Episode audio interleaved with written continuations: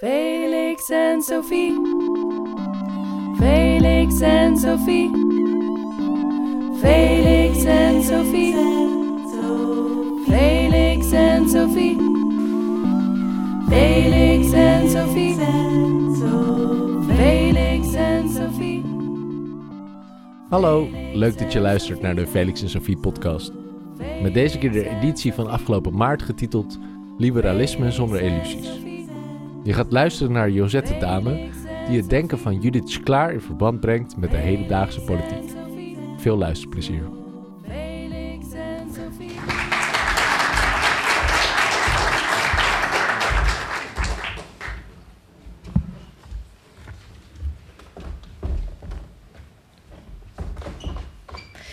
In de weken nadat Poetin zijn oorlog startte in Oekraïne, inmiddels iets meer dan een jaar geleden, klonk er in Europese en Amerikaanse commentaren naast eensluidende afschuw over de Russische inval ook soms voorzichtige hoop door.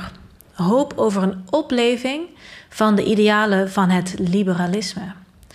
De oorlog maakte namelijk niet alleen duidelijk dat vrijheid en democratie niet vanzelfsprekend zijn, maar ook dat mensen bereid zijn om ervoor te vechten.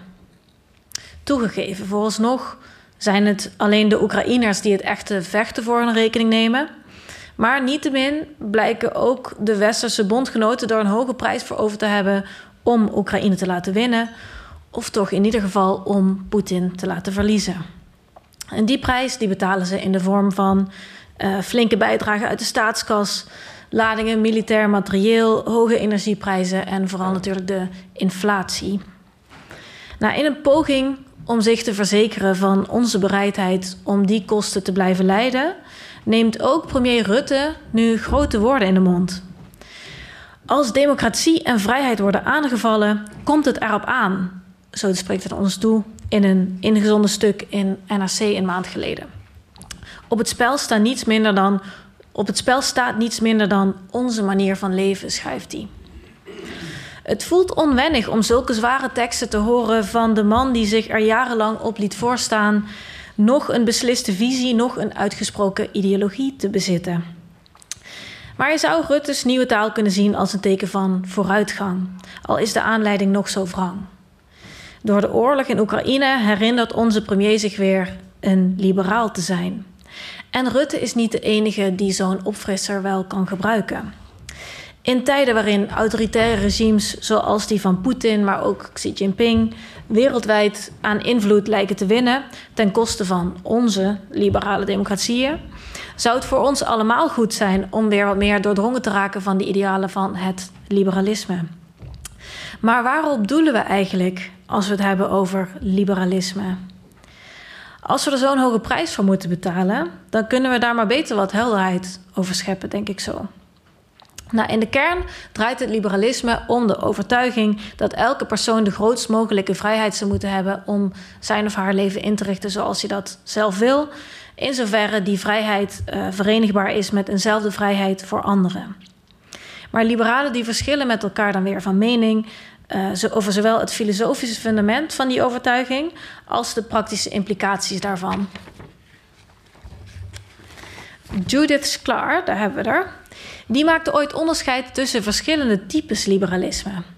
Binnen het natuurrechtenliberalisme wordt de liberale staatsinrichting, waarin de overheid de individuele rechten van burgers beschermt, die wordt gezien als de aardse vervulling van een ideale, mogelijk zelfs door God gegeven orde.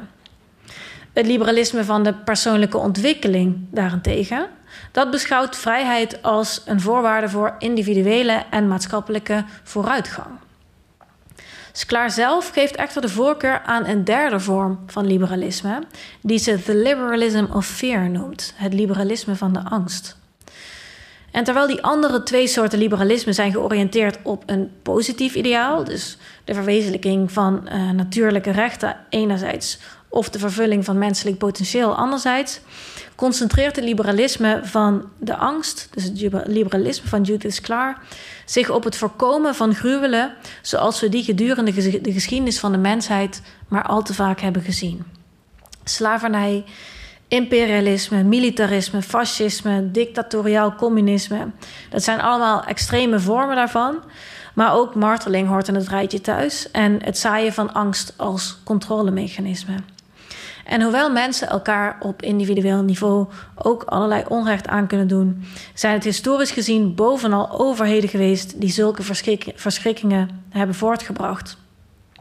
En de focus van Sklaars liberalisme ligt dan ook bij het afwenden van herhaling van die bekende ellende. Het liberalisme van de angst leunt dus niet zozeer op hoop als wel op herinnering. Net als andere liberalen zien aanhangers van het liberalisme van de angst een noodzakelijke rol voor de staat. Die moet ervoor zorgen dat burgers elkaar onderling niets aandoen. Tegelijkertijd zijn liberalen in Sklaars traditie zich er permanent van bewust dat de staat zijn overweldigende macht altijd ook ten kwade kan inzetten. En daarom stellen ze nooit onvoorwaardelijk vertrouwen in de overheid, zullen ze de machtsmiddelen die de staat ter beschikking heeft uh, altijd willen beperken en zijn ze erop gebrand om voortdurend een grens te trekken tussen het publieke domein en het privédomein. In het publieke domein mag de staat van alles van ons vragen in de naam van het algemeen belang. Maar in het privédomein heeft de staat in principe niks te zoeken en mogen we in vrijheid onze eigen keuzes maken. Nou, dat nuchtere liberalisme van Sklaar, dat lijkt eigenlijk heel goed te passen in de wereld van vandaag de dag. Meer utopische vormen van het liberalisme, gericht op de verwezenlijking van een ideale morele orde of uh, de verwezenlijking van de menselijke uh, essentie, die waren misschien op hun plek aan het eind van de vorige eeuw. Toen eh, Francis Fukuyama The End of History afkondigde en we menen dat het liberale staatsmodel voor goed had ge, ge, gezegevierd op de rivalen. Maar 30 jaar later, nu Rusland en China hun speerballen rollen en wereldwijd steeds meer landen steeds minder democratisch worden, mogen we al blij zijn als we kunnen voorkomen dat staten burgers niet nog meer vreedheden aandoen.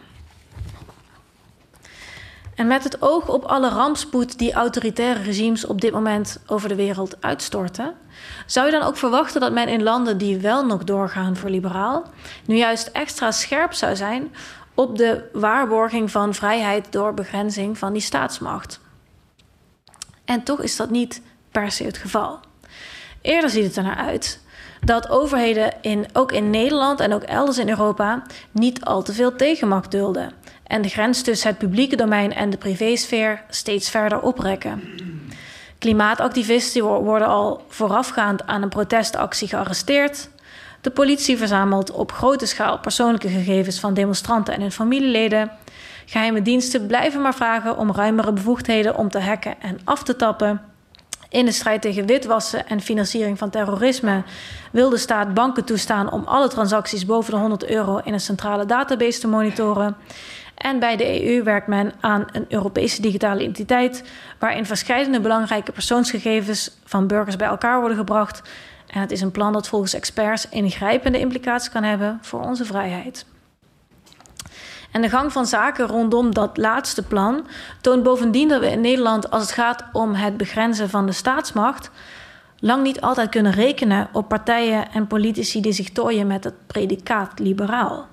Het was namelijk Alexandra van Huffelen, staatssecretaris namens het liberale D66, die haar handtekening zette onder het voorstel voor de Europese digitale identiteit.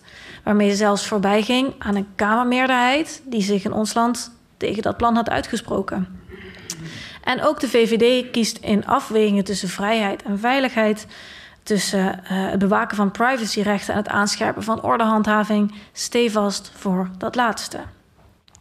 Tijdens de coronapandemie werd eveneens duidelijk dat juist de partijen die onder liberale vlag varen het niet zelden nalaten om de grens tussen het publieke en het privédomein te bewaken. Uitgerekend VVD en D66 schaarden zich achter de avondklok en de invoering van de coronapas en betoonden zich eh, zelfs uitgesproken voorstanders daarvan. Nou, vanuit de optiek van het liberalisme van de angst heeft de pandemie het politieke debat sowieso geen goed gedaan. Twee jaar lang was de boodschap toch vooral dat de grondrechten beslist niet absoluut zijn, dat de politie demonstraties best met een waterkanon uiteen mag spuiten, dat de staat heus wel mag bepalen wat er achter jouw voordeur gebeurt. En het klopt dat grondrechten in de naam van de veiligheid of de volksgezondheid mogen worden ingeperkt. Maar vanuit liberaal oogpunt is het van cruciaal belang dat we kritisch blijven kijken naar de afwegingen die daar gemaakt worden. En dat burgers de staat, de, dat burgers de macht die de staat naar zich toetrekt, altijd kunnen bevragen. En Maxime Februari die stelde het recent in een uh, interview in Vrij Nederland als volgt: dat het bevragen van de staatsmacht sinds de pandemie al te vaak wordt afgedaan als iets voor wappies. Het probleem wordt nog erger doordat radicaal-rechtse partijen hun kritiek op plannen zoals de Europese digitale identiteit en de monitoring van transacties door banken vermengen met complottheorieën en minderhedenhaat. Nou, buiten dat radicale kampje durft men vervolgens nauwelijks nog protest te laten horen tegen zulke voorstellen, bang dat een dergelijk geluid koren op de molen zal zijn van de antidemocraten. Maar ik denk juist dat het andersom is. Als alleen radicaal rechts zich luidkeels opwindt over toenemende surveillance en controle en andere partijen zich stilhouden over dit thema of zelfs staan te juichen wanneer de overheid meer machtsmiddelen naar zich toe trekt, dan zullen ook mensen met oprechte zorgen over de ruimte die er overblijft voor individuele vrijheden uiteindelijk in de armen van giftige complotdenkers worden gedreven. En zo dreigt er een dubbel gevaar voor de liberale democratie wanneer mainstream partijen het nalaten om de staatsmacht te begrenzen toenemende radicalisering en uiterst rechtse hoek enerzijds en een overheid die zijn boekje, die haar boekje, nee, zijn boek, nee, haar boekje, een overheid die haar boekje ver uh, te buiten gaat anderzijds. Mark Rutte die heeft gelijk wanneer hij zegt dat de liberale samenleving het verdedigen waard is. Maar nemen we die taak echt serieus, dan betekent dat ook dat we de staat bezien met een gezond wantrouwen dat we beperkingen stellen aan de machtsmiddelen die de overheid in handen krijgt, dat we een duidelijke grens blijven trekken tussen het publieke en het privédomein. De utopie zullen we zo niet bereiken, leert Judith, Sklar ons. Wel zullen we de dystopie voorkomen.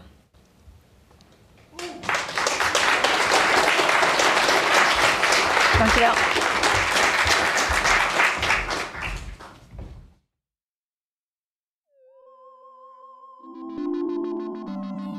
Deze opname werd gemaakt in de theaterzaal van Boekhandel Perdu op de Kloveniersburgwal in Amsterdam. Wil je ook een editie bijwonen? Dat kan. Iedere derde dinsdag van de maand is er een nieuwe editie. Kom 16 mei naar de avond over filosofie en literatuur. Informatie en tickets staan op de website in de show notes.